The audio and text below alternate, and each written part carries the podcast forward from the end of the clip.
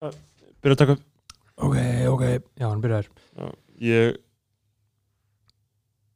Þú er bú- búin að borða þetta sitt Já, ég borðaði heldur rætmaður oh, Ég er með svo mikil óþólum með þess vandamál sko. Já, fokkin óþólandi Ég er búin að býða þetta í hálftíma sant?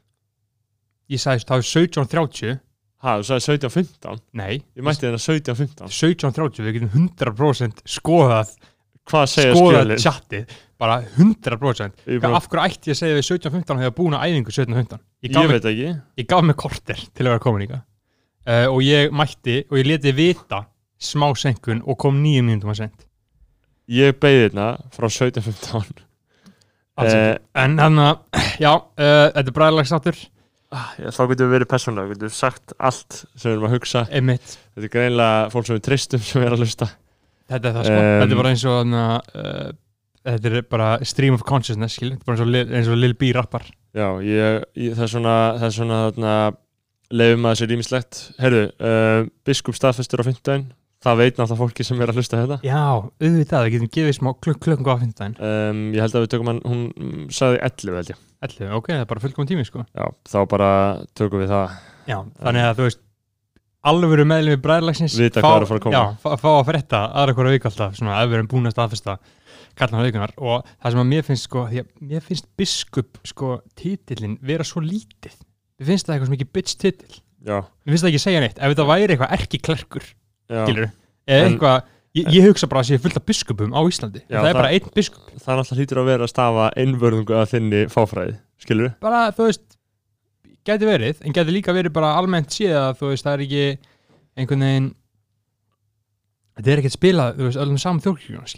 það Já, já, kannski núna. Um, meina, bis, biskup þýðir ekki neitt fyrir mér. Málega er ég mun ekki segja þetta við hana svona en þú veist hún alltaf mun ekki hún mun ekki hlusta þetta nema hún gangi í bræðarlæð og uh, Já, nei, það er ekki sens að hún hlusta þetta. Sko, það er mjög þægilegt að geta að tala um fólk og vita bara að það sé ekki sens að það sé að fara að hlusta hana. nei, það er einhver Já, það var sagt Það var vinnur okkar sem ákvað að styrkja mig á Mm. auður á hann Ég sagði, farðu bara á Patreon, skilur, og getur bara verið það Hann sagði, nei, ég ætla bara að auðraðið fimm skall Og ég er eitthvað svona, já, ok, ég get alveg sett veininga á nafnið eitt, skilur Já. En við gerum það ekki lengur við. Núna erum við bara með Patreon Já. Þannig ég segi, já, ok, ég mun samt að bara segja þið bræðilagsætti Og þú mun þá ekki heyra það væntanlega Því þú Mm. verður ekki Patreon hvað sem er Þannig það er ekki að nefna hann Já, En þetta var svolítið Alexis Garcia Virðingarnafni hans Al, já, af hverju vill hann ekki bara styrkja? Ég veit ekki, þannig að það hefði borgað sér betur fyrir hann að vera bara inn á Patreon í tíu mánuði með aðgang á þessum þættum líka, líka. Um, endilega láta okkur vita því sem er að hlusta hvernig það hefur gengið að byrja að hlusta á Patreon skilur, ég veit ekki hvernig það er sko. Um, ég held að það sé bara gott sko. Uh, Já, það er mjög gott, ég hlusta á uh, annar podcast alltaf á Patreon sko. Og um, finnst það bara mjög busy, ég held að flestir uh, appið er mjög þægilegt sko. Það er margir sem eiga eftir, þú veist, jú, jú, fólk á eftir að koma yfir hægt og rólega smátt, Já, og, já, smátt og smátt skilur, Herru, umræðefni, við tölum bara um umræðefni og skemmtilega hluti í bræðalastátturum Já. um, ég hef nú ekki fengið ábendingar frá hlustendum um umræðefni undarfærið þannig að við nei, en Patreon hlustundu vita að geta sendt message Já, við um getið umræðum alltaf sko. uh, smelt á okkur umræðefnum uh, Hvað hefur á dagamann strífið? Sko, staðan í þjóðfélaginu það var í dag var aflétt neyðarástandi vegna koronavirunar þannig að það er ekki lengur neyðarástand. Eh, hvað því það? Bara svona formleg formlega að vera að hnika til skilgreiningum á ástandinu, ég meina að það Mhm. þýðir náttúrulega gefur náttúrulega ýmislegt í skinn, það gefur í skinn að það sé nú allt svona sérska orði gott í það Þorvaldur talar um að eftir þrjár vikur í dag er um, 2050 mæg þannig að um miðjan júni og það hefur náttúrulega hagsmunna því þá geti, geti samkomum banni verið útvært í 500 Já, gaur, sko, Eh. já, en, ég, ég fer þetta því sko. Og veistu, sko, ég er náttúrulega get talað bræðilega þessu opninskátt Já. eftir MBL-fréttina, Já, þá er klöptum bókaðir á svona 13 já, grunnskólaböll bara, þú veist, þetta, borgar upp sömurinn, sá, bara núna á kannski einu með tömmu vikum þá eru bara hvert einasta grunnskólaból á Íslandi er búið að bóka það er svo fyndið. Og þið fáið alveg smá pening. Það er einhver, það er einhver sekkur Já. þarna, sko. ekki, ekki mikill sko. Lítið barnasekkur. Já, já, það, Er, það, er, það lítill underage sekkur Já. sko. Já, já, ok, það er gott, þá hlýti ég að fá hluti því fyrst að ég tók þetta viðtal við, við Brynjar og Aron. Um, Já, akkurat, Uh, þetta er máttur fjölmila það er náttúrulega, þetta er það, hver fjölmiðlar eru svo fucking máttur já, það er Pældi líka svo mikið lestur á öllu núna sko, Ég veit það. fólk fylgst mikið með og, pældiði bara ef við myndum koma ein skilur eins og gerist með Byrnistáttin sem er bara by far mest hlustaði þátturinn okkar. Já, hann fór hann að vísi að það var gert grein upprúnum skilur einmitt hvað skiptir ógeðslega miklu máli? Já, já, já, þetta er, þetta getur gefið manni klátt en, en hitt er samt, þú þarft alltaf bara að byggja upp uh, organískan 100% skilur eins og sko. við erum með, það, hægt og rólega. hægt og rólega. og er það sem að skipti lang, lang, lang, lang, lang, lang, lang, lang, lang mest í þessu er bara að koma hverju einustu viku. Já, koma hartinn, hverja einustu viku, hvernig einasta já, það er eina, eina leiðin til þess að byggja eitthvað upp sko. Já, já, ég finn líka, mér finnst mjög gaman að vera að byrja að gera eftir bara skoðanir fólksætti, þetta er bara, þú veist, þetta er önnu típa þætti og síðan erum við með þetta gas í okkar þáttum, skilur Já. hérna. Um, en þú veist, þetta er samt, þetta fljótandi form, skilur við ekkert fastir í þessu nei, ég veit það, en þú veist bara þessi uh, síma, ok, við getum alltaf ekki fara að tala of mikið um þetta, en síma viðtölin eru, þú veist, já, þau eru bara eins og þau eru. já, já, uh, annað í fréttum sko ég er í smá frí gáður að tala um, já, náttúrulega gymmin opnum í dag, sko. Ég var í gymmin áðan. Já, ég, ég fór svo hart inn á hann, sko. Ég fór í gymmi áðan og í fyrsta lagi náttúrulega er öllum algjörlega drullu saman núna um uh, einhverja smittætti skilju, það er bara alveg eins og það hefði ekkert í skorist. Bara 100% Já, og bara engar sóttvarnar ráðstafanir eh, allir jafn, alltaf jafn margir ekki, ekki bara fleiri en áður. Eh, og ég var í, á nesunu World Class. Mhm. og svo sem ekkert að gaggrina það mér er drullu sama, það er allir drullu sama og fólki er náttúrulega bara sjálft uh, í þessu. Ég tók test og það var gott. Uh, ég hitti Gumma Emil hann var já, maður, í góðan gýr þjálfar, þjálfarinn minn. og um, já, ég, ég veit ekki, við þurfum að tala um eitthvað sérstætt eða ekki, má sjá. Um, nei, nei, við getum alveg bara á, þú veist, og ég, Ekki. ég, ég, ég fór á vikingþræksæðingu það var erfitt að ég er með skjálta í Nei. höndunum sko. Að ég er búin að vera að fara svo hart inn heima sko, en það var bara betra að því að ég hittaði svo vel upp að að málið er, þeir pína mann til að hitta upp í kortir Já. þannig að æfingin er allt öðruvísi. Heima gerði alltaf bara þrjá mínútur að byrja já. En það munar svo Nú er það að fá ógeðslega sko skilabóð miklu. frá óttar var að segja að hann er í ræktinu og það er engin hann þannig að ég veit ekki hvernig það verður. Síðan er djammið að byrja. Og heldur það sé að fara að byrja af ég held að það? að það er óbið á öllum skemmtistöðum bæðins lengur en ellu? nei, en fólk byrja þá bara kljóðan átta að djamma, skilur fólk drekkur sér bara í hel síðdegis. það er allir að tala með það er ætla að gera það, skilur, það er hljóta að gera það Mm -hmm. og svo er eftirparti í öskullíðinni skilur Já. Eh, það um, var um helgina, það var eftirparti í öskullíðinni hvað var margir? þetta voru, þú veist, ég veit ekki hvað voru margir en þarna, þú veist, örgulega 200 manns allan eins og ég skrifaði en, en þú veist, það voru bara dópistar, skilur hvernig, hvernig dópist þar? ég held að það hefði bara verið uh, dópistarnir sem myndi hitta, hitta prigginu, bara sæli menn, en voru það voru það það var líka venjulegt fólk en það var svona aðeins meira bara í vettvangsferð að kíkja sko, það var ekkert eitthvað svona djam, djam, djam fyrir þeim skilur, en það er greinilega hópur sem er ofta að djamba þarna svona aðeins í þarna, þetta er hann í öskulinni fyrir aftan mjölni, þetta er hann í uh, gjánum þarna, uh, mm. hvað sem þetta heitir, við klettana. Allir menn sé ennþá að ríða í öskiliðina sko en, nei, en það var alveg dæmi. Já, það var alveg dæmi, þú laði bílniðinum já, og síðan bara var aksjón. Sko og ég var ekkert að tala við aðna, homma sem vissi að þessu, ég veit ekki hvort hann hafi gengið svo langt að, að aðna, eiga, eiga svona aðildir. -hmm. en hann sagði að þetta hefði eðilagst þegar einhverjir hommar fóru í fjölmila þeir fóru Já. að kjafta um í, í blöðin um þetta sko og þá frettist að þessu siðrófi Mhm. og þá þarna, þá skilur var fjandinn laus og ég veit ekki hvort það hefur verið komin beinlýs í vekk fyrir þetta, ég meina uh, þetta er, svo- er fyndið natum því að kallar eru svo fucking ógeðsleg dýr Já, veist, konur myndi aldrei gera neitt svona í lífi sínu. Nei, nei, veist, þetta er svo fucking siðlist og viðbjóðslegt. Þetta er geðveit sko að kallar mynda sér svona og, fóru bara á riði rassin í öskulíðinni Já. sko. uh, eins og bara í- eins og saman með uh, sánuna í Vesturbæðalöginni já, já, sem sagt uh, já, sem er sána sko, þar eru menn að runga okkur öðrum sko. já, já, örgulega bara ennþá í dag sko. ég held að sé eitthvað um það en þeir náttúrulega eru með eitthvað svona eitthvað sansfyrði hvernig það má og hvernig ekki. Ég alveg verið að þetta fatta svona, ah já, oh, fuck, hann vil runga mér, skilur uh, og þá svona bara fer maður rólega út og það er alltaf læg, skilur um, en ég, ég hef hort á í Babylon Berlin þá er svona hommi og hann fer oft sko, nei, þetta er ekki Babylon Berlin, þetta er í Kútam uh, 5, 59, Rusl Berlin, nei, þýst drasl mm. og þar er svona hommi sem fer í þetta er svona 50s í Þýskalandi fer í garð, bara svona dimman garð Mm. það sem er bara lítið homahotn sko. Já, það er náttúrulega óskiljanlegt hversu fólk m- hafi mikið fyrir hversu mikið fólk hafi fyrir því að ofsækja homa sko. já, já ég átta mig ekki á því sko. hvað Það- fær fólk til þess? Sko, málið er að homar voru flokkaðir í sama flokki og barnanýðingar já, já, Skilur. þetta var bara skilið með sama Já, hætti já. og ég, þú veist, mál, ok, það eru náttúrulega svona félagsfræðilegar og sagfræðilegar ástæður fyrir þessum fordómum, en það er að segja ekki sko réttlætt og það er, alveg, það er alveg ennþá ég meina að þú veist bara sem dæmi, það eru allir gaurar sem þú þekkir skilur. já, ef að þeir myndi eitthvað gera eitthvað með einhvern gaur skilur, þá væri allir bara eitthvað, wow, ok, shit. En einhver stelpa myndi gera eitthvað.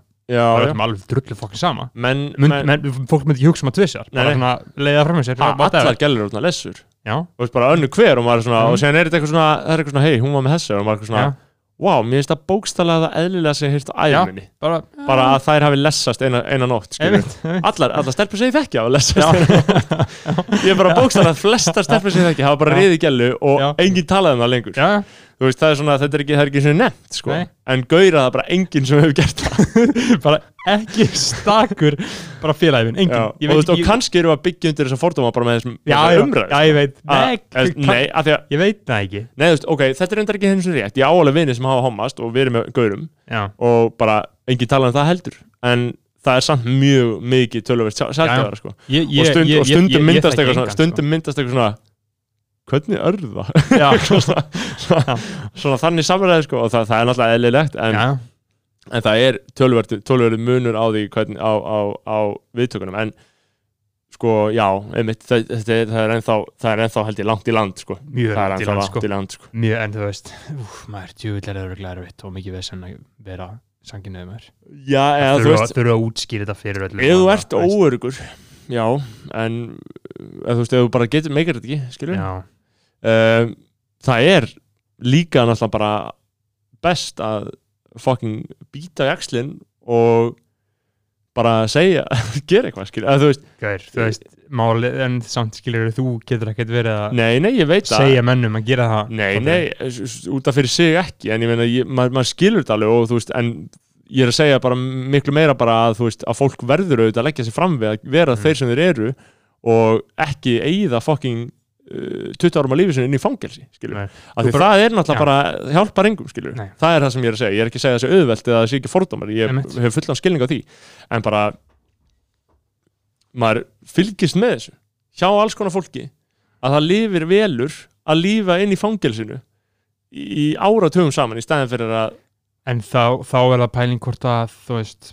uh, þú ættir að segja eitthvað við þetta fólk eða ekki skilur, já þegar maður veit það. Já. Mm, þegar já, þú getur svona sterklega gert ráð fyrir því, það er svona allur gangur á því hvort það sé æskilegt örglega ég, held að enginn legg í það. Það Nei. gerir þetta aldrei neitt það Nei. fer aldrei neitt að einhverjum svona auðlusum Einmitt. auðlusum skápa fólki og segir eitthvað er en, en bara þú veist hvet menn til þess að vera þeir sjálfur sko, það er gæti, það er öllum drullu sama þar fyrir það sem við erum að segja skilur þú veist, það kemur kom eitthvað svona upphafs viðbröðum síðan er allir bara, þetta er bara mesta veistla sem við veitum að Já, sem Homa já, King skilur já, já, 100% Eh, sko, það er engin eða veist, ég þekki, ekki neitt sem að þetta er bara mesta minnsta issue sem eh, mitt eftir í hug sko, það er enginn að velta þessu fyrir sig sjú, sjúklega basic sko. en ég, svo, ég er svo hættur um að við séum með yfirgengilega fordóma í því sem við erum að segja, það getur ekki verið. Við erum að tala hérna eðlum nótum. og við erum bara að segja það sem við erum að hugsa já, sko. já, já, ég veit að veist, það, það er alltaf smá stressaðar að séu svona einhver svona Já, já, þú getur alveg farið í fucking sauman á því sem ég er að segja og fundið út að ég, að ég hati sangrind fólk en það er náttúrulega ekki sannleikurinn. Nei. Við erum bara að tala um þetta en aðlum nótum, skilur. út af því og líka út af því að podcast er svo hræðilegu er að þú veist, núna er að segja bara við, gerum, við erum að segja þetta bara 100% fordæmalaust að við bara styðjum réttindabaratu samkynneira og hins einn fólks 100% Já, já. 100% Já, já, en málið er, skilur það geti einhver kött af þetta út sem ég var að segja skilur já, já, já, já, og það, það gerir það. ég er alltaf að býða eftir að fá eitthvað gegn. Bræðræðinu, ég er alltaf að býða eftir það er bara tímaspilsmál já, það er það, þú veist, málið er bara þú veist, þetta gengur það vel, fólki er að koma á Patreon, það er að koma views, það er að koma góða þættir. Biskup er að koma, Já. Þóru Snæfa sig að skýsti Martin, það er það er ekki sko hvort það gerist, það er hvenar það gerist og hver gerir það. En ég er samt að hugsa hver rísu Ég sé ekki fyrir mér að nokkuð maður myndi gera að þú veist, jú, jú, endilega gera það ef þið hefði hafið eitthvað út af það sem ég er að segja að setja og það sem Berður er að segja að setja. Endilega bara segja það. En þú veist, ég held að veist, það hefur, það hafa verið gerðar einhverjum svona mjög lágstemdar tilraunir hérna einhvern veginn á Twitter. Einhvern veginn fyrir lunga, það var eitthvað sagt eitthvað á Twitter mann ég, eitthvað um eða þú veist, skoðanabræð það sagði einhver eitthvað langt sín ég hef searchað, ég, Já. ég hef ekki searchað Nei, bara fyrir lungu, bara í Já. síðasta sumar. Og það var bara, þú veist, cricket sounds, það var öllum alveg Já. drullu sama, skilur Einmitt. og ég held að, ég held að eða, þú veist, jú, þetta er náttúrulega hræðilegt allt sem við vorum að segja um, um, um, um samkennið, skilur, en ég held að engin myndi fara að gera málu því. Nei, við vorum Eh, ekki að segja henni træðilegt Nei, en, en ég er, maður er svo stressar um að þetta sé hræðilegt, bara að segja eitthvað. Já, heldur maður að sé hræðilegt. Og það er það ekki endilega ég er alveg, ég, ég er alveg klár með það en mér finnst þetta bara fullkomlega eðlilegt að maður geti talað um þetta inn á Ég veit eðlum nótum. Og svo er þetta líka orðið svo normalisera að umræðan fer aldrei fram lengur sem er líka vandamál, Mhm. þannig að það er líka bara eðlilegt að taka umræðan og segja bara, jó, þetta er bara allt annað þetta er allt annað að uh, segja eitthvað hér og til þess að því. Það er þetta að taka þetta, þú veist, segjum sem svo að við vorum að, að ég myndi alltaf bara eitthvað, jöss veistla er það að einhver homma kings sé að ríða í öskilin Já. þú veist, ég myndi tweeta því og bara, Já. what the fuck, skilur já, þessi gaur hattar homma já, við erum auðvitað bara í spjalli hérna, sko. en hér er þetta einhvern veginn uh, um, alltaf er núansar, allt annað En Við- sko, ég var að mynda að hugsa um það í, í samvætti við, ég var meira að nefna Berlín líka að þar í Sjöneberg körfinu Já. uh, fagra fjalli í veit- þú hefur verið í Berlín ég veit ekki hvort það hefur farið í já, ég hef Sjöneberg ekki farið í Sjöneberg sko. það er homakörfi uh, og það var fyrsti staður í Evrópu, ég held ég heiminum þar sem homar gátu bara verið homar mm. Veist, bara fyrsti staðurinn í heiminum þar sem fólk mátti bara leiðast út á götu og kissast og það var engin að, það er að segja í já, ég meina, uh, ok, fyrsti staðurinn heiminum við getum sagt bara fyrsti staðurinn eftir að nútíminn hófi innreið sína í heiminn skilur, Einmitt. þá eftir að the disease of modernism já, kom inn sko. já og og uh, við náttúrulega vitum að menn voru alveg homast veka grimt hérna í fornöld já, voru í að strákum já, já. Eh, bara allir þessi veist- vestræn menning er byggð á þessum Já. fokkin grísku barnanöðgrum sko. já, við vorum að tala um það í sund já, ok, það er ótækt. Herru, ég var að tala um því sundi líka í gær. Ég var í sáminn að tala um þetta. Já, við vorum að tala um sundi, það er fre- frekar skýta að maður fara að tala um þetta í sundi Já, ég, við vorum akkurat að tala um það að bara Plato, Aristoteles Já, og Sókrates hafi verið að benga börn Ég var í sko. vesturbæleginni bara í gær, held ég að tala um þetta sko. Ég var að tala um þetta í Vesturbjörn í, í, í einbæðinu sko. ég, ég sé fyrir mér að þeir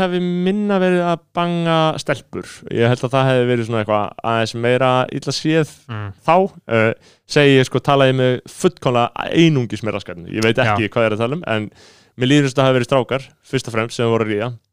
Og það er svo fyndið að þetta hefði bara verið, bara já uh, þú veist, why not ríð strák?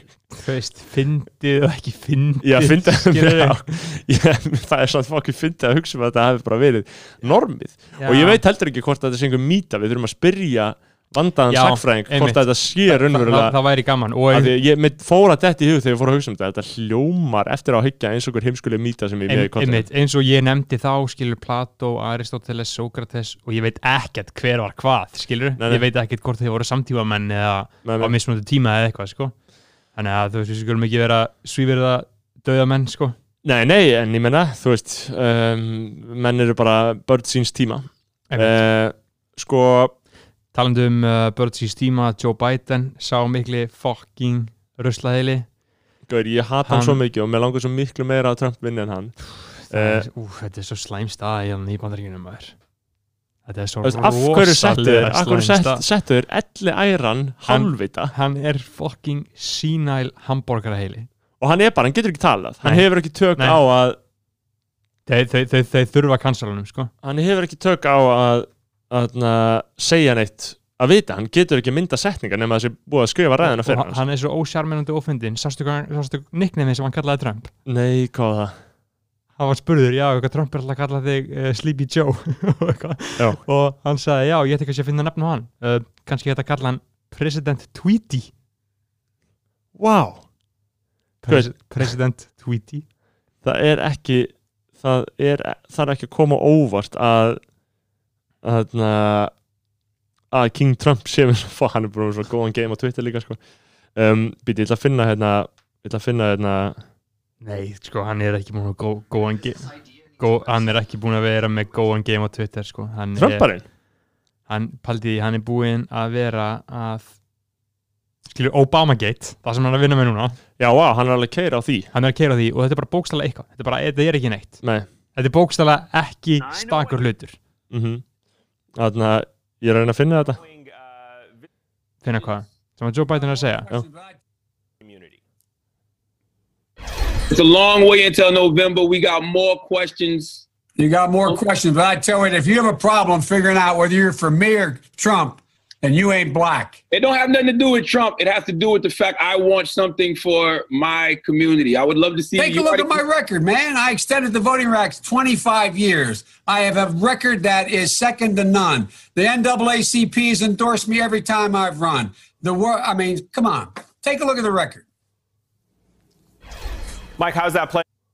hann segir sér sagt ef þú ætlar ekki að kjósa mig Já, þess að ef þú ert, já, ef þú ert í vafa um hvernig þú ætlar að kjósa þá Já. er þetta ekki svart þá er það ekki svartur, og, Og síðan þetta- byrjar hann að segja NAACP þá byrjar hann að nota uh, ég á I have a black friend. Já, já, 100% og þú veist, menn voru ekki menn voru ekki mjög sáttu með þetta. Og Fox News er með mjög góð innslögum Biden, Biden has history of controversial, controversial racial comments. Fox er að keira á honum sko, eðla uh, Fox er eitt besti fréttamiðl sem ég veit um. Og síðan ofan á þetta þá er Joe Biden líka uh, nöðgari Já, og demokrater eru bara svona hei, já, ok, segjum þá að hann sé nöðgari þá vil ég allan að hafa hann. Já, er Af nauðgurum. það Trump er nöðgar líka. Þá vil ég allan að hafa en ég meina það, það, það er alveg rétt. Já, þú vilt, þú vilt frekar hafa gaur demokrater eru bara svo fucking ógæðsli Þetta er svo mikill viðbjóðsflokka viðbjóður en Þessi- Þetta fólk er svo úrkynjað og Times, Times aðna, kolumnistarnir alltaf, alltaf bara eitthvað eitthva, þú veist, og líka bara hvernig New York Times vinnur úr þessum maður djöfullin maður. Ég hata New York Times. Já, þú vilt frekar hafa uh, mann sem hefur verið ásakar af einni konu um þetta eins og Joe Biden. Og gerða það líklega, ég trúi, trúi, trúi henni 100% Mhm. uh, í stað fyrir Trump sem er með svona 37 konur Það er fyrir eitthvað sjúkt sko, Síðan er hérna aðna,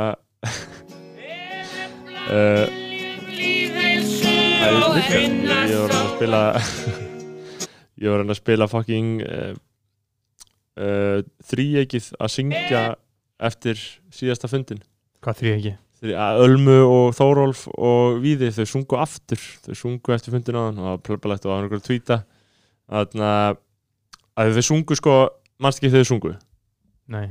þau sungu lag Þórólf syngu lag ég bara geri eiginlega mitt besta til þess að uh, opna ekki og lesa ekki staka frétt um Ölmuð Þórólf eða Víði sko. og þau sungu lag og ok, þú skilur þetta náttúrulega ekki ef Nei, þú, ég, ef þú ég, ég skildi ekki að því að ég bara, veit ekki, ég vissi ekki að þau sungi lag ok, sorry, ég ætla, ætla að hætta að tala, ég ætla að hætta ég að slökka á laðarpinu Já. og ég ætla að aldrei nokkuð til að koma fram aftur uh, í of, of, ofnveru vettvangi. Uh, önnur umræðni, það er ímislegt uh, ég var að velta fyrir mér einu sem eru er þú með eitthvað, ég, ég er að hugsa um áhugavert dót. Mm. vorum að tala um að ég var í sundi. Og í sundi þá hitti ég mitt einn af frambjöðundurum í forstæmbætti, nei, í inspektor skóla í, mm -hmm. í MR Mm -hmm. sem er sérst, formaður skólafélagsins sem er nefndafélagið for, forseti já, hann, já, hann er formaður skólafélagsins og síðan er annað skólafélag sem heitir framtíðin og þá sá maður er fórstið framtíðarinnar. Og hann er í frambóðið til Litli bróður Sushi. Og ég náður reyndar ekki að ræða við henn en mér langaði að spyrja um alls konar stefnumál og, og ég er búin að vera að fylgjast með sérst, Ágústi Beintein Mhm. uh, sem er Litli bróður Árna og þeirra. Þetta er, uh, hann er frambóðið til fórseta framtíðarinnar. Ok, ég er fucking stið Gustaf B. maður Já, 100% í gegn sko. Já. og við, við endorsum við getum Já, endorsa við ofinvegulega endorsum Gustaf B. það eru sko. kostningar á morgun og ég veit ekki hvort einhvern, einhvern nái að, að láta það koma, koma í gegn en Já. við endorsum Gustaf B hann fattaði ekki hann hefði getað fengið frá okkur á síðuna já, bara, bara 100% sko. en, en um, og ég er búin að vera að horfa á ég horfa á allt frambáðsvídeónas mér er svo fucking fyndið að horfa á þetta hvar, hvar, hvar setur hann þið? hann er bara með einhverja veistlu Facebook síðu í gangi skilur Já. og það er bara svo fucking gaman að horfa á þetta krakka, þetta eru krakkar fættið 2001 Ha, frambóðin, 2002 öll frambóðin eru á Facebook sko. Mm. um, þetta er, en þetta er náttúrulega emmeningar ég held að þetta sé ekkert enda lýsandi en ég menna flestir eru á Nei. Facebook. Þú ert fucking hálfviti og ert ekki á Facebook Ég með skilurðu. krakkar fættið 2002 Þeir eru ekkert andil á Facebook sko. Já, mér stu hálfviti og ert ekki á Facebook skilur. Hvað er ertu þá? Þú veist, Instagram og Snapchat. Já, Snapchat er náttúrulega ógeðslega Já, þú veist, ímyndaður hvað þú ert fucking þrollaður á og ert ekki á Facebook þú bara sérði ekki neitt, skilur það gerist ekki, þú fann einhver Já, já, í- í fítið þetta neitt, Já, skilur Og líka bara viðburður og eitthvað sétt Já, bara allsherjar, allsherjar og allir hóparnir, skilur en þegar hann er búin að dæla vídjóum, bara góðum bæten Já. taka upp svona taka upp sko hann og hann og um, vingur hans þá er hún einhvern veginn að spyrja hann að, uh, sem veist, Jóhanna Steina heitir hún og ég fylgist óvil Já. með þessu, en Já, þá er hún að spyrja hann sko, hvað hvað, veist, og þetta er svona ég, ég skil, ekki, ekki betur en að sko þau stillir þess þannig upp að hún er spyrill Mhm. eins og hún væri fjölmjölamæður og þau er að gera svona zoom upptökur veist, þannig að þetta er svona, veist, þetta er bara algjörlega professional, skiljum, og og þá ég geti jafnvel eða virkar að spila ég skal prófa, en þá eru þau bara að ræða málin og, og ræða stefnmálin og það er svo gaman að heyra, þetta er allt nákvæmlega sama á þegar ég var sko. en það er náttúrulega ekki mikið mm, vatn runnið til sjáar svo sem en en þarna, þar er, þú veist, þau eru bara að tala um, þú veist uh, myndi þið vilja halda miðanaball og ef svo er, hvað myndi gera það ball öðruvísi en önnuball og þá getur við byrjað á þér, Ágúst. Já, ég væri alveg opinn fyrir því að halda miðanaball. Ég myndi fókusa á það, ef ég er í því kjörin fórseti, að hlusta á nemyndur. Mér finnst að framtíðastjórn eigi ekki að ákveða allt sjálf í einhverju skuggaherbergi. Mér finnst að við ættum að tala við nemynduna. Við eigum að fá til dæmis poll inn á Facebook-grúpuna. Hæ, þið, væru þið hlindi að halda miðanaball? Viljið þið fá þennan artista? Hvaða artisti finnst ykkur skemmtilegastur? Og þannig fá í rauninni meðlimi framtíðarnar með í skipulagninguna. Þannig að miðanaball, já, ef að nefnendur MR vilja miðanaball, þá myndi ég að sjálfsögðu halda miðanaball. Og þetta er svo gæður vel, vel gert maður. Gústi, Gústi býði mér maður í gegn sko. Við erum bara svo gæðið að hlusta það, ok, kemur ljósa að Jóhanna Steina er greinilega þá spyrill og þau voru þá mörg og hann klippir út vídjóin og postar það á Facebook, gæðið Já, bara frá sínum svörum. Já, eða, hann hljóma svolítið eins og Dagur B. Mm. Mér finnst hann hljóma svolítið eins og Dagur B. Já, ég meina, Bró, Bróður Susi já, nei, þetta er ekki bróðsúsi, þetta er Gústi. Já, þetta er Gústi Já, þetta er Gústi. Já, já, þetta er Gústi. en, og mér finnst hann hljóma eins og Dagur B, sko, Gústi. Mm. uh, og og ég er að hugsa, skilur þessi fólki finnst þetta skipt svo miklu máli, skilur Ég finnst þetta skipta svo ótrúlega miklu máli sko. en, sem er svo fyndið einhvern veginn. Hvað er en það er þetta? líka bara að fyndi hvað þetta er sko fullkomin speill af pólitík. Þetta er bara, þetta er algjörlega bara mikropólitík, það er engin munur hann er bara að segja þarna, já, ég meina ef kostningar, kostningar verður til í það og, mm. og einmitt að, að hvetja til þess að, að færa meira líðræð inn í þetta og Mhm. tala við fólki, ekki bara skugga herbergi stjórnarinnar og meira gagsæði og eitthvað svona, Mhm. þú veist þetta er bara algjörlega sama uh, og mér finnst það bara frekar Mér- fyndið Já, sko. mér finnst líka fyndið með artista eitthvað að leiða öllum að velja artista Já, og sko, og það finna við þetta er að, þú veist, að eina sem þau geta talað um og einu stefnumálin eru bara um þú veist, bara hvaða snúrur eru notaðar á balli, neða, í Mhm. hátalarna á balli. Mm. að þetta er allt svo petty, þetta er svo mikið drast, þeir eru bara að halda eitthvað böll. Og þau geta ekkert breytt neinu, skilur þau geta ekkert ekki gert neitt, skilur en Árni Beinteinn var sko fórstu framtíðarinnar þegar ég var einhvern mann sko. Mhm. og þá var hann alltaf, alltaf lofa fróðuballi þú veist, eina sem gast lofað var skilur, bara betri böll sko ég man Þetta er öllum er já. alveg sama um allt annað. Já. og síðan eru náttúrulega auðvitað enginn að kjósa þig fyrir betra ball heldur en bara kjósa þig að því að hann veit hverju ert Já, ég man eiginlega ekkert sko, eh, hverju fólk var að lofa. Þetta, þetta er svo lélegt, ef einhver lofar einhverju þá getur hinn bara stólið hugmyndinu léttilega skilur, Já, og sagt bara, Já. ég minn gera það líka. Já, bara, já, ég var pælið líka skilur, það er ekkert mál.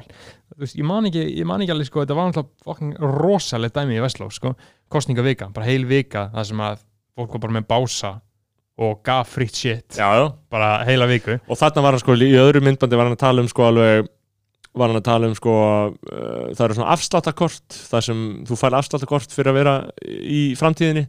Mm -hmm. og þá færið afslátt á Subway og veit ekki hvar hvar. Og þá var hann segja ég er með mjög góð tengslin í fyrirtæki. Þetta er svo geðið að segja það og líka bara keypunktur og þarftu auðvitað tengslin í fyrirtæki. Mm.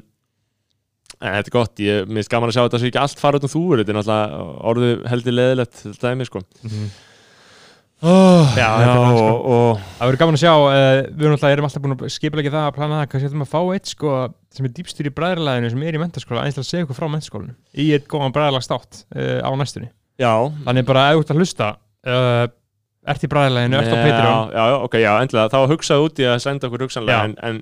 Check, við, checka við höfum oft sagt þetta og við höfum oft fengið eitthvað alls konar fólk sem býst til þess og segja endar, aldrei að gera neitt Já. en, en sannarlega þá væri aðtilsvert það, að það, það gæ- gæti verið gaman sko. Mentaskólinn hefur breyst, Það þetta er eru þrjú ár, bla bla bla. uh, Hvað er fleira, hvað er, er að tala um? Uh, er Elon Musk, það er búið að reddpilla hann. hvað er málið um, uh, hann var reddpillaður þú veist, hann bara, tweetaði, take the red pill já, og Ivanka Trump tweetaði eitthvað yes.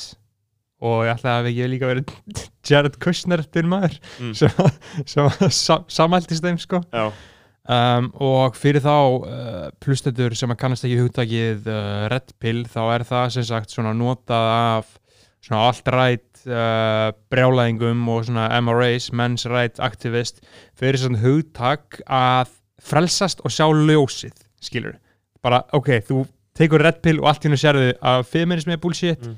uh, muslimar uh, vilja drepa þig. þetta er úr Matrix Og- ekki, þeir, Jú.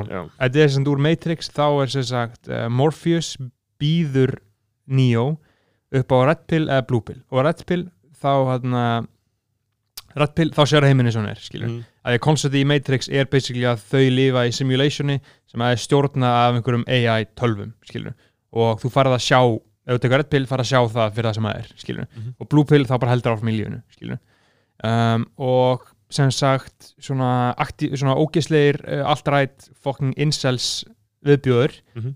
uh, appropriata þetta Red Pill já, já. og notuðu það um að sjá, sjá, sjá ljósu og Já. sannleikan um að sjá þetta sko. Þú veist, kann ég var Red Pillaður fyrir, Já. fyrir, fyrir stuttu skilur um, og þetta sem teki úr Matrix og það sem var skemmtilegt við þetta var að na, Elon Musk tweetaði þessu bara take the Red Pill skilur, hann bara bókstala tweetaði skilur, bara virk, bara stórhættur meiri þess að Trump meiri þess að Trump hætti sér hætti sér ekki það sko nei, nei. það, veist, það, er bara, það, það nefnir þetta enginn sko og þarna hann Hann- er líka fucking piece of shit aumingi, Já. skaur hann er piece of shit sko hann er piece of shit og það sem var svo skemmtilegt er sko að leikstjóri The Matrix tweetaði á Ivanku og Já. Elon og sagði eitthvað fuck you, fuck the both of you fucking fucks skilur og það, sko Matrix er svona leikstýrt af uh, núna veit ég ekki alveg hvernig ég orða þetta er, þeir sem voru karlmenn, mm -hmm. þeir eru tveir bræður Mhm. blóðbræður, bara eru núna systur eru núna systur, Já. báðir já, gengus báður undir uh, kynskiptingu já. segjum það, ki- F, kynskiptingu nei, þeir eru bara Nei. eru báði trans Já. og fóru í leiðrýttingu já, le leiðréttingu, afsakið afsakið, veist þeir fóru báðir, báðir, tveir bræðir þetta er bara, þú veist, myndum gera skona systur. Það var enda geðið þetta að gera eitt skoðan að systur þátt. Já. Þarna, ok, En og, já, og, og- báðir, já, einmitt, aðtilsvert þeir, þeir eru báðir og, og Elon Musk bara er búin að vera uh, þú veist, hann er bara fucking hálfviti Já, hann hefur bara geðið slæm áhrif á Já. geðið marga þegar hann Já. hefur geðið umlar hugmyndir og er uh, fokkin ríkur þannig að menn ídólisir hann það er ógeðslega fyndin memes um, þú veist, það er hérna já, gauðra sem að vernda sem stökkva fyrir, skilur, Já, stökkva fyrir byssuna já, þú veist, og það er svo óskilinlegt og þetta er svo, þú veist, þetta er samt típist og ég skil alveg Mhm. að verja fólk sem þú Mhm. hefur mikla mætur á en Já, þú já. veist, þú veist, eitthvað svona Elon Musk og síðan er svona glæpamaður sem er að fara skjótan mhm. og þá er svona gauður að stökkva fyrir og þú veist, og sá Mhm. gauri skilur bara eitthvað random Twitter guy veist, akkurat, akkurat að, að segja bara verja hann með kjaft og klóm skilur Einmitt. um, og ég, þetta er bara af sama meði og við vorum að tala með það síðast með Joe Rogan skilur um að maður, ég til þetta að vera Joe Rogan er nú samt ekki já, já, ég nærri veit slæmur, ég veit sko. það, ég veit það, veit það og hann vanda sig meira en, en Joe Rogan er tölvöld betri sko. já en já, akkurat, möskarinn við, þú veist hann er, hann, hann er cancelled sko, uh, en hann er satt áhugaverið já, gaur sko, já, þú veist, ég skil alveg ég að hann eftir- stopnað Tesla Já, ég alveg, alveg, alveg, alveg fyrir 3-4 árum las ég eitthvað æfisögun hans og fannst hann bara vera einhver king sko. Já, einhverjar Uh, svona einhverjar hag hagiographies. Já, já, þetta er eitthvað svona hann er classic sko, þetta er áhugaverið gauð sko, hann er alltaf líka sko, uh, smá svona apartheidisti sko, hann er frá Suður Afríku sko, ólst upp þar. Talað um að því ég segja er eitthvað, er svona háa, eitthvað svona líl hljóð þú veist, Nei, ég held að það séum bara í góðan gýr sko. Já, ég bara hafa ágjör að ég, Já. að því ég heyri eitthvað brak en þú veist að hlustendur hafa kvartaði því að að hlustendur? Símiðin er á borðinu Já, og hann titrar. Já, ok. Það gerist oft sko. Sko, talandi um hagiografís, ég sagði þetta hagiografís það eru svona æfisögur sem eru svona heilara mannasögur skrifaðar eins og þetta séu dýrlingar það eru skrifað um ha hagiografíur um dýrlinga mm. katholsku kirkjunar það eru til þarna það var bara bókmyndagreina miðöldum og framönturöldum að þá hagiogrífa þá skrifar, en að grafía, þá skrifar um einhvern helgan mann um þetta er Og- eins og, eins og Jordan heimildur Já, og það talaði um að hún sé hagiografía af því að Já. þetta er og, veist, og það tala, og, og þetta er gaggrinni á stílinn að það er verið að skrifa bara augljóslega eins og hann sé helgumadur og, og þetta er Mhm. ekki kritíska áhugaverð æfisa en um, Íslandingar skrifuðu svona sögur á miðöldum bara, þú veist, helgamannasögur eh, bara bókstæla hagiografíur og það ekki í afleitri merkingu en bara postölasögur skrifuðu þá bara sögur af postulunum og einnig líka bara heilara mannasögum og það var ólíkt eftir hvað það voru skrifum en og ég veit að sko ég veit að íslenska fornbókmyndir hljóma eins og eitthvað óáhugavert en það er náttúrulega miskilningur þetta er náttúrulega bara svo menningaframleysla sem átti sér staðin maður voru að hugsa bara af hverju myndi skrifa, skilur, Mhm. bara mest boring shit sem manni getur döttu í hug sjálfum. En og ég get svo ekki svara fyrir það. Þetta er fucking boring, það er eiginlega ekki hægt að lesa þetta. Þetta er svo leðilegt Já. en þú veist, málfærið er áhugavert og, en aðalega það sem er áhugavert eru handritin sjálf. Og ég var að lesa í dag sem er mjög áhugavert. Ég var að lesa svona 20 blaðsina grein eftir Jóhannes Nordal, fyrirvændi bankastjóra um, og Són Sigurðar Nordal sem var svona mesta legend í íslensku fræðum og stýrði bara íslensku fræðum alla svona frá me megnið á 19. öld bara. Nei, 20. öld. Og þeir sko 1960 eða sko 1969 þá kom all handritin heim. Þannig að ég útskýri aðeins það er sérst saga af handriti sem heitir Skarsbók sem er episk saga. Af því að Íslenska ríkið á öll handritin og þú lifir við það og þú getur væntalega að sé fyrir þig bara Íslenska ríkið eigi öll væntalega öll handritin. Og það var ekkert alltaf þannig skilur, það, það þurfti að koma þessu í eigu Íslenska ríkisins við vissulega var þetta allt bara eigu Árna Magnússonar, ég geti svo sem farið út í það sérstælega en þetta var bara, fór frá Árna yfir á Árnastofnun, nei Árnasafn og Árnastofnun rann undir Íslenska ríkið. En þetta var náttúrulega líka blönda með Danmörk og Ísland og þetta var, handritin komu svo heim 1970 eða 69, samþykkt 1965 en Skarðsbók það var bara eitt miðaldahandrit sem innihjalt bara þessar postula sögur Mm. Bara boring ass sögur af postulum sem enginn er að lesa núna en eru bara eitthvað sem var gert og greinlega skipti máli að þetta var náttúrulega bara að skrifa í kirkjum. Og þetta var bara mjög dýrt og fallegt handrit. Og ef fólk myndi sjá þetta handrit ég held að ef fólk sægi handritin sem er alltaf verður hægt bráðum í húsi íslenska fræð þá myndi það fatta hvað þetta er fucking sjúkt. Þetta er alltaf bara okkar FL-turn og okkar Já, þú veist, mér, mér finnst þetta magnað og mikið að þetta sé til, sko, en ég hef engan áhuga á þessu, sko. Nei, það er að því það þetta hefur bara ekki verið presenterað eðlilega fyrir þér held ég sko. Nei, þú veist, ég bara hef volítinn áhuga á þessu, ég man ekki að var að lesa hans Andrasnæs og þá svona, á hann að tala um hvað það var í uh, merkilegt og mikilvægt og svona, já, ok, þetta er alveg cool. En síðan hef ég einhvern veginn bara svona, já, verið svona þokkalega sama En um aðalega sko, þú veist að þó þó að fólk fíl ekki í þessu bókmættir sko, að þú veist, ég skil alveg að þú nennir ekki að lesa þessi texta, Mhm. þessi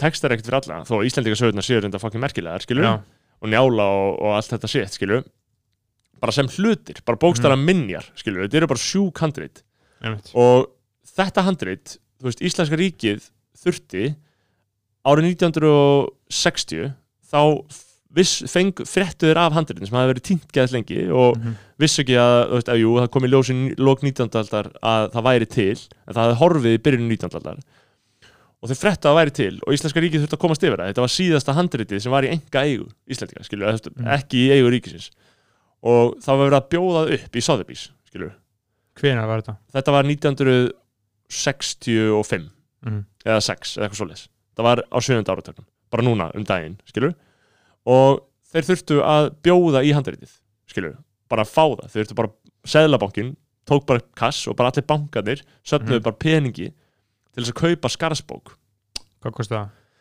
þetta kostaði held ég á endarum 35.000 pund og á núvirði ef þú prófar Sko, 35.000 pounds to ESK Já, en þú var að gera inn 1969, skilur prófaði bara 30 þre- 33,000 pounds í in 1969 uh, today, worth Já. today. Eitthvað þannig, uh, Það er, maður sjá amount hvað sagði, 35 úrst 30, já, segðu bara 35 úst, ég held að þetta hafi endað á 35 úst, sem við borguðum fyrir Skarðsbók á uppbóði í Sotheby's árið 1960 og ó, ég man ekki nákvæmlega, þeir átt að vera 1960 en enda held ég að vera 1965 eða 6 mm. þeir borguðu það myndi vera, þú veist, hálf miljón punta í dag, hálf miljón punta í dag Já. og í það í íslensku krónum er alveg, slatti er það ekki? já, Þú veist, ég myndi segja að færðu út eða? nei, nei, ég, ég, ég nefndi ekki reiknum þannig, það var eitthvað flóki starfræði sko, en þarna og þeir fóru sér, þeir sen- sendu að þeir, það eru sérst alveg 90 miljónir sko. uh, þetta væri umdelt en nei, já, við, það, við þurfum að eiga þessi klink. Við þurfum að eiga þessi já, um, og þeir, það mátti enginn vita að íslenska ríkið væri að bjóða í þetta þeir þurftu að, að, að því að allir vita að þeim myndi búa whatever, bara endalaust. Sko, nei, heldur bara þú veist að þeir voru bara í viðkvæmri stöðu og ennþá viðræðum við Dani um handritin og það, bara, það hefði ekki komið vel út að vissu, já, einmitt, og líka bara ef að fólk veit að þetta er íslenska ríkið sem er að bjóða þetta það hefði Mhm. mm líka bara fokkað í þeim. En þeir náðu bara að kaupa þetta. Þeir sendu bara Mhm. einhverja agen, þeir sendu bara einhvern norskan gaur sem þóttist bara vera einhver safnari skilur mm og þeir bara, hann bara bankaði þetta skilur Mhm. og það er fokkin áhört að lesa um þetta sko. Þetta er epic saga, okkur hefur þetta ekki verið, þú veist þetta hefur aldrei verið miðlað einhvert Uh, þessu, þetta er- ekki tilnæstar skilur, fólk getur ekki googlað hvað er þetta? Skarðsbrók, S- Skarðsbók. Skarðsbók. Skarðsbók, jú, maður sjá Skarðsbók. Uh, ég held að sé alveg á hérna Wikipedia um, og uh, nei, ég held að bókstala standi ekki að þetta hafi gerst svona. Já, jú, stendur, það sest á hérna- uppbóði Já, en samt eins og sé ekkert stór mál, en þetta er mjög áhugaverð sá þeir, veist, Já, jó, þetta er epic saga. þeir menn flugu um þetta. menn flugu fram og tilbaka til þess að sko þeir voru bara heil miklu vesinu og bara bankandir, þetta var bara ákvörðin þeir hugsaðu bara, ok, þetta er að fara að banka. Og, veist, og málega er að bókin var týnd, sko, mm. það held að það var glötuð og síðan bara byrtist hún í einhverju bókasafni þar sem einhver klikkaðu safnari hafi, hafi reddað henni og það er mjög áhugaður saga af safnaranum líka því hann var fucking psycho ass gaur Já. og þeir náðu að endanum að kaupa þetta sko, sem var náttúrulega bara afreg sko, því, þú veist, ef þú veist, ef fólk hefði fattað að Íslenska ríki vildi bókina og hefði, hún hefði selst til einhvers annars á þessu uppbóði þá hefði bara verið mjög erfitt að fá hana. Mhm. þá hefði bara, þá hefði bara ríki hefði verið haft að fýbli Mm. þannig að þeir náðu að banka helviti stæminu með þessu en talað um myndir, að gera myndinu sitt uh, þannig að sömur hugsa sko, alltaf að það er hægt að gera bíómyndir það. Já, já, þú veist, þetta, þetta er, þetta er 100% það góð saga og þú veist, og þótt að fólk hafi ekki áhuga á handritum, skilur þá er Já, þetta er það sem ég segir, skilur, þetta eru bara munir skilur, þetta er bara hlut Já, já, og, þetta er líka bara til svipa bara eins og þú veist, hefur sér Argo, ja? uh, Nei, það er sem um, fræg, sko, hef ég séð hana? hann er Íran, Ben Affleck ætla og ekki leikur að horfa á aðaldur hana, já. bara fucking episkasta mynd sem ég sé á Já. og hún er sagt um, uh, þekkjur um álið þegar að uh, bandaríska sendiráði í Íran eru tekin hostage Já, já. þegar fyrsta stríði á bandaríkinum og þetta er svona 1977 Já, já. held, held ég. Og þetta er svona saga um það að það eru bandaríkjamenn sem að þurfa að fara til Íran til þess að bjarga þessum gíslum í sendiráðinu í Íran en þeir komast ekki inn í landið.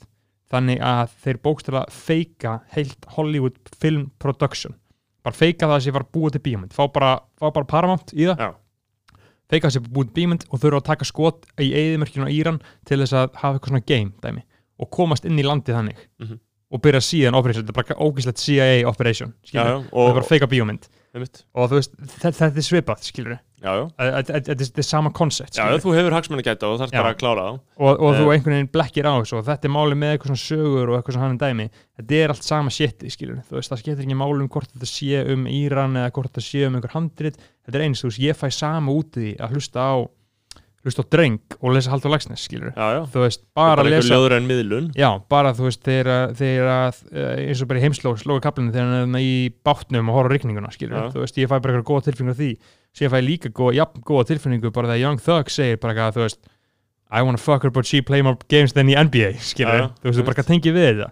Þú veist, það drengur segir, þú veist húnin í eldhúsi, hún er að elda læti þetta endast, keirandi bíl og það er engin bremsa, skilur Einmitt. þú veist, þetta er nákvæmlega uh, nákvæmlega sama shit og þetta er eins með bíómyndir og sögur, skilur þannig Þa, að, þú veist, þetta er líka, Já, þetta er líka eins með einmitt, til þess handritin, skilur já, er það, þannig, sko. þannig halda frá gas um það, skilur Þetta er bara, þú veist það er meira þess að áhugaverðar af því marki að Mhm. það þurfti að fucking slátra og slátra og slátra um, fjö Mhm. til þess að búa til skinnin skilur það er rosalegt sko það er bara fleiri hundruðir belja Mhm. en, en, en síðan sko, ef þú sertir mis ef þú sertir mis bara skarðsbóku, maður horfir á myndir þetta er svo fucking fallegt að það er bara búið að binda þetta inn að einhverjum algjörum fagmönnum og það er ekki til neitt meira clean en svona ég hef náttúrulega séð mest, mest, meðfærsla, mest sko. legendary bók sem til er í heiminum sko í Trinity College, Dublin, hvaða bók, Book of Kells sem er uh, sem er eitthvað biblíubrót nýja testamenti já, sem er biblíubrót, Já.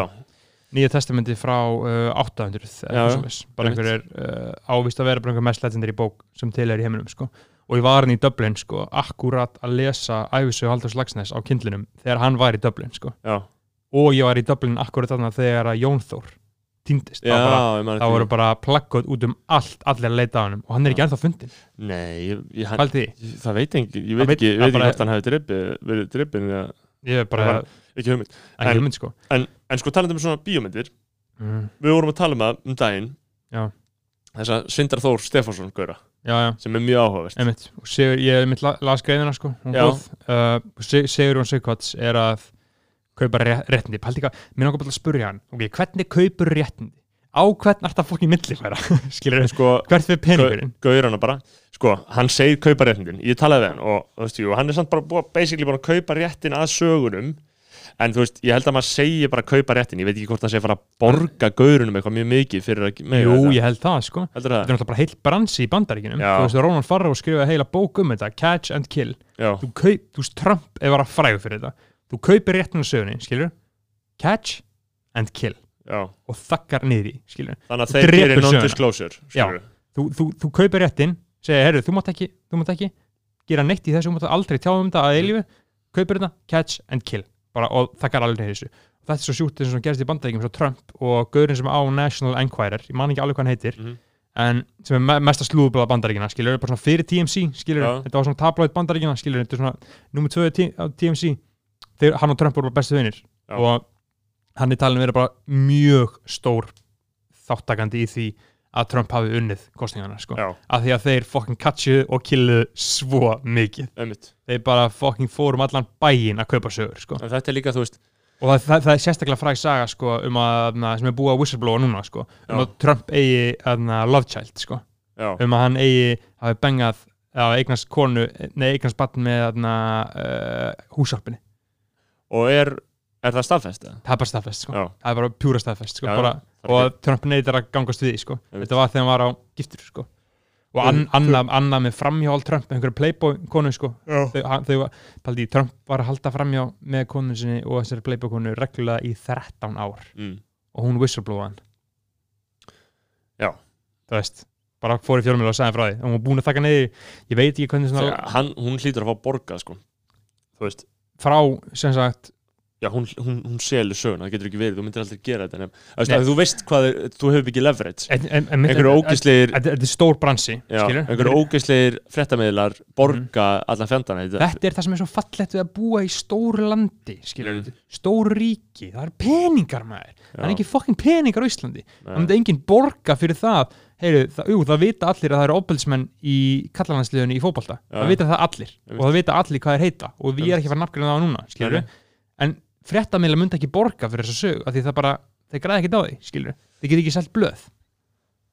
Einmitt, það er það er að leiðilega að við búið í svona pínu litlu landi. Og það er svona grossera svona mikil þöggun í svona litlu landi. Út af því að, góð kenning að sé ástæðan sko. veist, því eh, í þessu, skilur. Út af því að þú veist, það hefur enginn svo mikla hagsmunni nei, nei. og einmitt að, að rattfokka þessi gang skilur Já. og bara Já. og taka menn niður skilur einmitt, já það væri gaman að sjá meira þessu hér einmitt. við erum náttúrulega í ör samfélagi það er ekki hægt að Já, gera neitt bara ei, hérna. þarna, landlísmenn, we see you, sko. já ég, öðna, ég, ég er alveg saman því sko ég sé sko Já. og allir vita en, en En svona er þetta, svona er þetta. Uh, við vorum að tala um Sigurinn Sigvarts, uh, Mikil King, hann er að, þarna, uh, hann er að gera eina heimildmynd og eina bíómynd um Mm. Bitcoin-málið, sko. Já. Ég ég, ég, ég, ég mæli með það að allir tjekki á Vanity Fair greininu um bit, Bitcoin-málið, sko. Uh, og fyrir þetta snorri skrifa MBL. þar sem hann er uh, tekin tali Sindri Þór Stefánsson Já. og hann er spurður spjörnum úr um þetta ævintýri Mm -hmm. við erum svolítið að tala um uh, mál sem átti stað 2017-2018 um áramótin Aha. að það var hópur manna undir fóristu Sindra Þórs Stefánssonar, svo nefnd sem er bara íslensku karlmaður á færtusaldri Mhm. sem rændu gagnaver Bitcoin graftara, graftar um, um, gagnaver uh, og rændu þaðan ofurtölvum að andvirði já, tuga miljóna þeir, þeir voru metnar á endarum í dómnum sem andvirði 96 miljóna Mhm. en fyrst var talað um stærsta stöld Íslandsögunar og þeir rændu þess ekki, þeir stálu þessu eða þjófnaður og það er munur, ránir, þú veist að koma vopnaður. Uh, og þeir uh, földu tölvunar eftir þetta og það veit enginn hvar þær eru. Uh, En getur löggan ekki bara fucking pintið þá eða eitthvað? Nei, ég skil nefnilega ekki alveg hvernig það virkar. Ég skil ég, djöfs fucking kings eru þeir. Að geta haldið þessu. Já, en það er náttúrulega alltaf punktur með svona hæst skilur, þetta er, þetta er allt gert eftir bara hæst bíómynda dæminu Já, ég veit það. Eins og, og, og eins og Sigur hún talaði um til viðtalinu, þetta er svo fallegt að þú veist eins og þetta er bara þeir eru hakkarar eða ræna eitthvað kasínó eða þú veist, það er ekkert ofbeldi. Nei, nei, það er eitthvað entity sem áana pening sem er bara ósjáanlegt, Já, skilur þú, ert, þú, þú skilur ekki sett andlit á hann nei þetta er banki, kasínó Já. eða, og, og það vorkin er engin banka eða veist, oh my það god, svona er allir með þeim í Já, liði. ég veit það, wow, ég, er, ég ætla að horfa á hít í kvöldmaður það er fucking besta hæstmynd sem til er í heiminum. Ég horfa mynd á Godfather 2 í gær, sko. Ég er að horfa á svona gamla klassika myndir aftur, sko. En Hefur það tíma að bomba þér í mynd á kvöldin eða? það gerist, sko, ég klára hann ekki, sko. Uh, en ég klára hann öll kvöld, Mér sko. finnst nógu umfómsmikið að horfa á einn wire þátt sko. Uh, mér finnst það epic að horfa á mynd ef ég byrja klukkan ef ég næði að byrja klukkan 8 sko. Já, ef þú byrjar klána átta Já, ef ég næði að byrja klukkan 8 En þá er maður heldur þá er maður heldur gott líf maður getur bara byrjað að horfa á myndina klána átta sko. um, en, en sindur á þeir þeir sérst fóru uh, þarna, og rændu fjögur gagnaver Mhm. og náðu fyrst að komast aðeins upp með þetta og voru farnir bara búin að kaupa sér hús á Spáni og koma sér upp villum og ætluðu bara að lifa góða lífinu Úf, þeir náðust um, voru allir dendir í fangilsi eða sérst allan að einhver hluti að þeim og þá reyndar að þeir eru ekki byrjaðir að afplána dómin þeir eru eftir að áfrýja þessu. Og núna er bara verið að fara að gera bíómyndir um þá, skilur, Mhm. og það var held ég náttúrulega það sem þið vildu að einhverju leiti, þeir voru að posta myndum af sér þegar var, Mhm. að þetta er sindri þannig að ég rifið enn frekar upp, þetta er sá sem flúði land uh, vorið og 2018 var, var síðan tekin í Amster. Var tekin í Amster og uh, það var ekki búið að posta ykkur mynd á hann þar í Inst- Instagram og eitthvað svona skilur þetta var bara fullkomið aðna shit show. Og núna eru þeir að gera mynd og hann ætlar að gera eina leikna mynd það sem að þið verður þú veist Hollywood mynd basically held ég. Mhm. og þú veist þá tekur bara enska leikara einhverja og, og gerir einhverja veislu. Og Mark, Mark Warburg er að fara Já, að leika í þú veist, sko. það væri epist eða það væri bara einhver, einhver byggsjón. Við vitum alltaf ekki hvað sigur og sigur hvað skerir af þessu en það væri bara mjög aðtilsast að sjá þetta. En síðan allan líka gera aðra heimildamönd um bara allt máli sem var á íslensku og, ennsku og það áhugaverð í þessu sem Sigurðun var líka að segja um mig er spurningin um bitcoin bullið þetta bitcoin bull bara bitcoin yfir höfuð Mhm. þetta konsept, þetta er mesta kjaftaði sem við veitum Já. þetta er rafmynd það stýra bara einhverju skuggamenn gengi myndarinnar, þeir Mhm. stýra því hvernig hann hækkar og lækkar, bara með því að kaupa og selja einhvern veginn, ég veit ekki hvernig þeir framkvæma það en þeir eru það bara með mynd sem mjög margir eiga í og geta stýrt eignum þessa fólks, að þeir ráða yfir það er ekkert miðstýrt ríki og við erum alltaf vöndi að þjóðir gera þetta og það er kannski ekki skárraði verra en það er alltaf að erum vön, þetta er bara einhverju skuggamenn. En þeir nú samt eru með eitthvað koncept á baku þetta. Já, já, hagfræðilegar uh, pælingar og svona Já, og auðvitað geta þær ekki bara gert nákvæmlega sem þeir vilja en En- auðvitað eiga þeir samt myndina og þetta er þess að hópur sem að kalla sig Satoshi Nakamoto. Sem er bara á bakum Bitcoin já, Já, sem, og sem alltaf haldið að væri gaur skilja bara einhver í Japani, bara einhver king en síðan kom það í ljós að þessi hópur einhverja hakkara já, já, væntalega og það þarf gríðarlega mikla orku af einhverjum ástæðum sem ég skil heldur ekki. Ég er ekki rafmaks teknifræðingur mm -hmm. ég væri til að láta þú útskýra það líka fyrir mér af hverju er verið í að grafa? Af því að þetta er, það er að grafa eftir já, myndinni. mæna bitcoin. Já. ég skil það ekki. þetta er gert í gríðarlega orku frekum gagnaverum. Og hér á Íslandi er ódýr orka. Og hér á Íslandi er ódýr orka og þeir hafa verið í business við þetta fólk. Mhm. og til dæmis með tölvutar sem Sindri Stahl Mhm. og félagar Advania var að þjónusta þá eigendur tölvnana, þeir voru bara að reka þetta fyrir þá. Mhm. og það veit enginn hverjir þeir eru. Nei. þú veist af hverju myndir ekki láta vita hver þú ert, skilur það er bara eitthvað skrítið við þetta og það er einhver hagsmunir um það. og þannig að þú veist og það er líka það sem gerir þetta svo fyndið skilur að það eru auðvitað allir með sindra á þeim í liði. Hverjum ekki druttið saman að stela einhver sem ekki veit hver er? Emmett, fullkomi glæpur. vantalega Emmett, uh, það verður gaman að sjá þessa mynd frá Sigurni Sigvartsinni Hann- uh, fyrir þá sem ekki þekkja hann er lusta þá fræðir hann svona uh, fyrsti íslendingurinn til að meika í Hollywood sko. hann flutti út í nám alltaf ekki verið eitthvað verið svona 70s sko, late 70s, hann var í rockljónsutum áður sko. uh, flutti út í nám og bara meikaða þar og gerði þess að Twin Peaks uh, þættina, hann er svona aðal pródúserinn við það og í uh, nýlari æfisöðu David Lynch þá talar hann ógeðslega mikið, ógeðslega mikið um hann og vel um hann, bara Shawnee uh, og hann kallaði Johnny eða Shawnee, ég man ekki hvort það er Já, hann alltaf kallað kalla, kalla Sjónni á Íslandi Já. já. og þannig að hann hefur líka, þú veist, hann hefur paldi hann, sko framlýslu fyrirtæki hans á tímabili var hann með 500-600 manns í vinnu, sko, Já, hann var að gera sko tónlismum fyrir Michael Jackson og Madonna, sko Mhm. þú veist, hann var bara að gera þetta bara einn stort og gerist og það sem er svo skemmtilegt að veist, hann er að gera svona huldu vinnuna, skilur Já. hann bara á framlýslu fyrirtæki sem gerir eitthvað hann er ekkert hann þessi kreditaður, skilur Nei, hann, þú sérð hann ekkert í opening credits á Twin Peaks, skilur veit en hann sann prodúsera það, Bara skilur nafni, hvað heitir fyrirtæki? Eitthvað Anarax eitthvað já, eitthvað korp, ekki. eitthvað. Og, einmitt. Og hann, hann sagði svo fucking hann er með svo epic sko, prinsip og þemu í þessu. Uh, hann að tala um það að í Íslendingar Íslendingar er alltaf að tala um það að einhver fór til LA reynda að meika, skilur að einhver fór að reyna meika í Hollywood og gera þetta og eitthvað. Fara kannski í ár, tvö ár eitthvað svoleiðis. Og síðan tala, tala fólk um að þau feili bara hei, hann reynda meika og gata ekki. En hann sagði bara uh, ég bara skil það ekki, það er bara bull. Verður því tíu ár og þá ertu byrjar Ég þú ert ekki byrjaður að reyna meika í Hollywood, í Los Angeles, sem bara mekka allra uh, menningar yðnaðar heimsins, skilur verðt hann í tíu ár og þá getur fólk byrjað að tala um hvort þú sért byrjaður að meika eða ekki, skilur þú bara, þú gerir ekkert á undir tíu árum sem er svo fucking scary og sjúkt til en samt svo, svo, svo, satt, sko. Hérna á Íslandir getur klifur upp á toppin á bókstallega fimm árum, sko. Já, bara viku. Já, ja, ekki, ekki alveg viku, fimm ár skilur, fimm ár getur þú búin að gera allt sem þú getur gert á Íslandi, skilur já og þess vegna veit, langar mig svo ógeðslega mikið til þess að fara í eitthvað svona kvikmyndanám í LA skilur, Já, en bara þessi þetta er svo fokkin skeri til þessu. Er ég tilbúin að eigða tíu árum að lífi minnum í að byrja að meika, ég veit það ekki. Ég veit það ekki, ég þól ekki þessu helvitis áráttu með að vilja alltaf fara út sko. Ég vil bara að fólk vilji byggja upp eitthvað á Íslandi, skilur Gauður, ek vil út sko. Ég þarf að fara til California sko.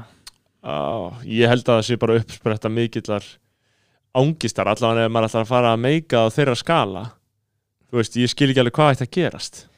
Já, þú veist, ég veit það ekki bara gera einhverja fokkin veslu sko. Já, já, en þú veist, vera, vera lítið bitch, skilur Já, ekkert endilega, þú þarft ekki endilega það, ef þú ert með það höfðfar, þá verður lítið bitch, skilur Já, en þú ert ekki verið sambænd skilur, Ég það, er er bókstæðlega ekki hægt að gera neitt þú kemur bara og það er ekki hægt að gera neitt skilur. Þess að það þú, þú þarf tíu ár, eins og núna bara á Íslandi er ég komið öll, eða þú veist, ég veit ekki eitthvað öll sambönd í heiminum, skilur, það er mjög auðvelt fyrir mig, ég get, ég get komið inn um hvað hörð sem er, skilur, Mm. bara með því að tala um manneski sem tala um manneski, skilur, já. bara því að vera að gera eitthvað á Íslandi í tvö ár, skilur, það tekur ekki meira en tvö ár.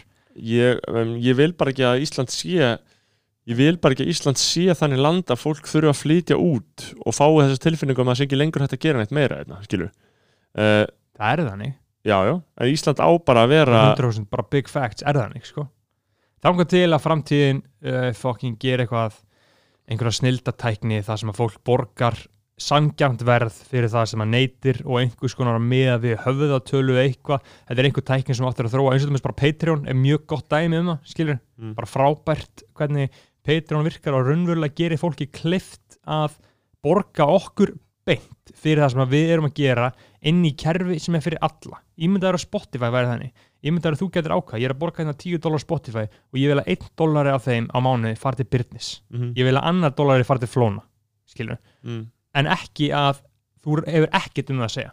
Þú fyrir einn ristóran sjóð og síðan greiða þeir út bara fucking garbage rate sem að engi getur lifað af. Ímyndaður, þú gefur út lag á Íslandi fær 2 miljonir plays. Þú getur ekki lifað því, skilur bara þú býr til vinsalustu tónlist sem til er á Íslandi og þú bara, það, það kemst ekki nálægt í á að geta lifað á því, Það kemst alltaf nálægt í að geta lifað því. Alls ekki. Þú ert að borga pródúsernum helming, þú ert að borga mixið þú ert að borga masterinn þú ert að borga þeim sem að gefa fram meður á læginu, skilur tónlistamæðurinn sjálfur sem að frontar og stendur við lagið endar á því að fá bara klink En hvað fær, hvað fær maður fyrir 2 miljón views? Hvað, fær, veist, Það hvað, er- fengi, hvað fengi sá sem setti lægið inn á reikningi sin? það er mjög mismunandi það fe- fer eftir, það fer eftir gengi Já. og það fer eftir reytum skilur major label eru með betri díl við Spotify. Til dæmis Sony, þú fær borgað. Betri texta þú fær betri texta þú fær betri, en síðan er hann það má í rauninni ekki gefa hann upp af því hann er svo ótrúlega svona, ótrúlega flöktandi sko. Uh, þannig að er bara sirka, en, ef en, en, en gamla, þú gast með við það þú gast með við það að ef þú fegst million plays Já, varst að fá kannski 600 skall. Já, þá er þetta frekar lítið með þér ógeðslega lítið og það sem er svo ótrúlega fyndi líka þú getur aldrei miðið almennilega við þetta svo fokk mikið leyndar higgja á Spotify Já, sem sagt, þú spila lag í 12 sekundur þá kemur play já, þú spila í 12 sekundur til þess að koma play til þess að Spotify greiði út sitt 0,0000001 cent fyrir þetta eitt play þá þarf lagið að vera spilað í 30 sekundur já þannig að það eru þessar sko það eru þessar 17 sekundur inn, á- inn á milli sem að counta sem play en þú fækkar sér ekki borga fyrir það sem að þú er ekki sens fyrir því að vita skilur. Þau bara gera eitthvað já, þeir bara gera eitthvað og þeir bara láta enga vita því þeir eru ekkert skuldbundnir til þess er en Sko- þ- þ- það er það sem ég segja, það er hægt að gera þetta á Íslandi ef að einhvern veginn framtíðin þróast í sömu átt og Patreon þannig að fólk fær rétt borgað já, fyrir sköpununa sína það skilur. náttúrulega líka þú veist, já, það er gufu hugsanir samanlega þessu Mhm. væri gott en málið er að ég er búin að hugsa um þetta. Tæknithrónin er að verða meira og meiri.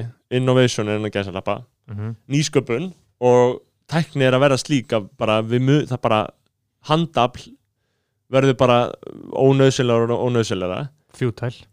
Af því að stórfyrirtækin eigða miklum peningi í að fjárfesta í tækni sem mun gera þeim kleift að vera með færri í vinnu. Mm. þetta er ekki eitthvað automatíst ferli eins og stundum talað að fjórða innbyltingin sé bara að koma. Mm. Þetta er bara fólk sem er að borga mjög mikinn pening til þess að þurfa að borga færri starfsfólki. Um, að það vill ekki hafa starfsfólk það vill bara fá allan, allan hagnaðin eða hugsun, ég skil hugsunna en ég er að hugsa, það verður að koma á kommunisma það verður í alvörunni að grípa í taumana og koma á sósialisma eða kommunisma Mhm. af því að annars erum við að fara inn í af því að mis, nei, ójöfnur er að verða meira og meiri. Á endanum verða bara enga vinnur og þá skilur þess vegna þarf annarkvort ofur skatta á fólki sem er með öll framleyslu tækin í höndunum eða bara sósialisma og, og steipa þessu allt um koll. Og ég er ekki að segja þessi raunhæft, ég veit að þetta minn ekki gerast og ég er auðvitað ekki að trúa á þetta. En ég bara, ég sé ekki hvernig þetta getur þróast á endanum öðru vísi en að fólk endi bara, einhverju ákveðin hópar með öll tækin í höndunum sem gera allt Mm. eru með verslandar, eru með allt eru með allt sem allir þurfa allir neðislega að borga þeim og það er ekki vinna fyrir alla. Þetta er uh, framtíðin, þetta er þróunin. Um, Þetta mun enda svona. Já, þú veist, og hvað gerist þá? Þá þurfum við borgarlegin eða eitthvað, skilur Já, já, Við þurfum ofurskatta á borgarlegin, sko. Ég en geng var að tala um þetta maður. Það var alveg með þetta. Og margir líka miklu bara áhugaverður og klárar en hann, skilur Mhm. Að tala um þetta. Píratar eru að keira á þessu.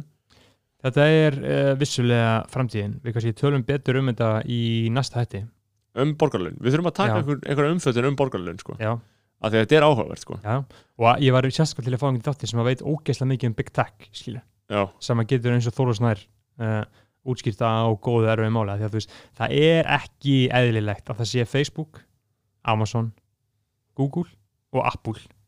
Apple svona cirka, þú veist, þetta Já. er Big 3 Apple er hana líka, skilur, Apple er aðeins meira PC skilur, að þessi þrjú fyrirtæki bókstæðlega stjórni heiminum bara 100% stjórni heiminum.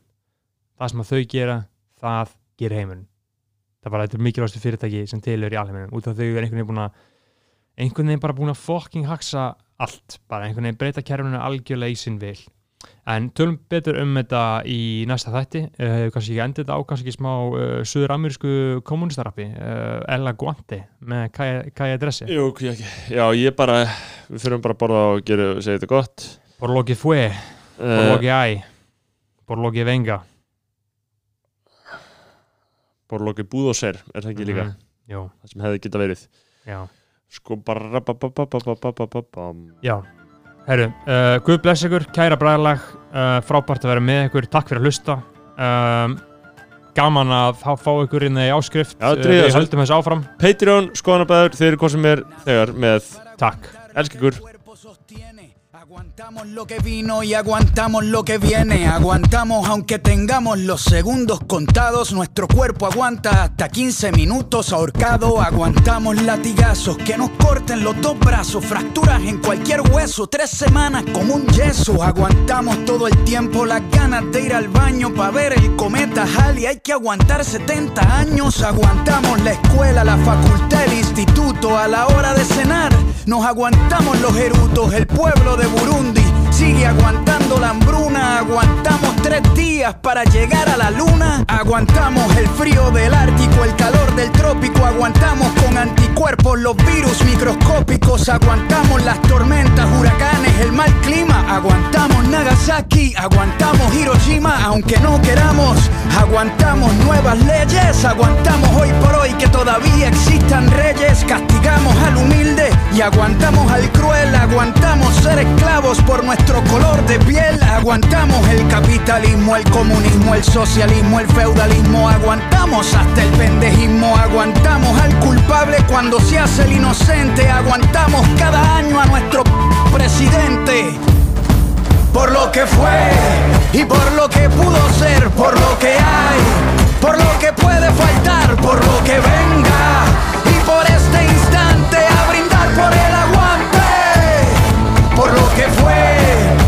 lo que pudo ser, por lo que hay, por lo que puede faltar, por lo que venga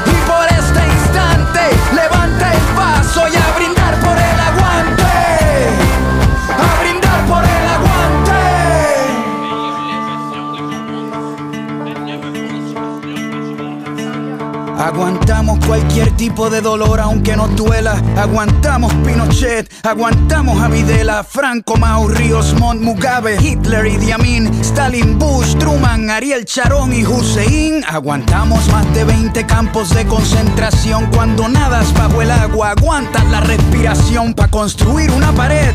Aguantamos los ladrillos, el que no fuma se aguanta el olor a cigarrillo. Aguantamos que Monsanto infecte nuestra comida. Aguantamos el agente naranja y los pesticidas. Cuando navegamos aguantamos el mareo, aguantamos el salario mínimo y el desempleo, aguantamos las Malvinas y la invasión británica en la ciudad de Pompeya, aguantamos lava volcánica y dentro de la lógica de nuestra humanidad nos creemos aguanta la verdad. Por lo que fue y por lo que pudo ser, por lo que hay, por lo que puede faltar, por lo que venga. Y por este instante levanta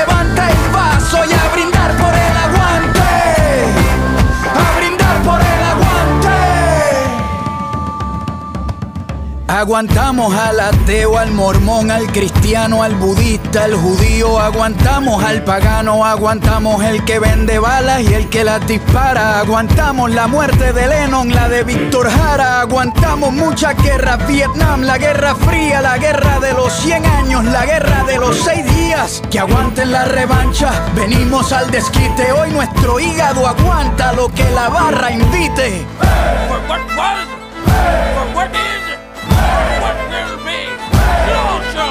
que fue y por lo que pudo ser, por lo que hay, por lo que puede faltar, por lo que venga y por este instante a brindar por el aguante, por lo que fue y por lo que pudo ser, por lo que hay, por lo que puede faltar, por lo que venga.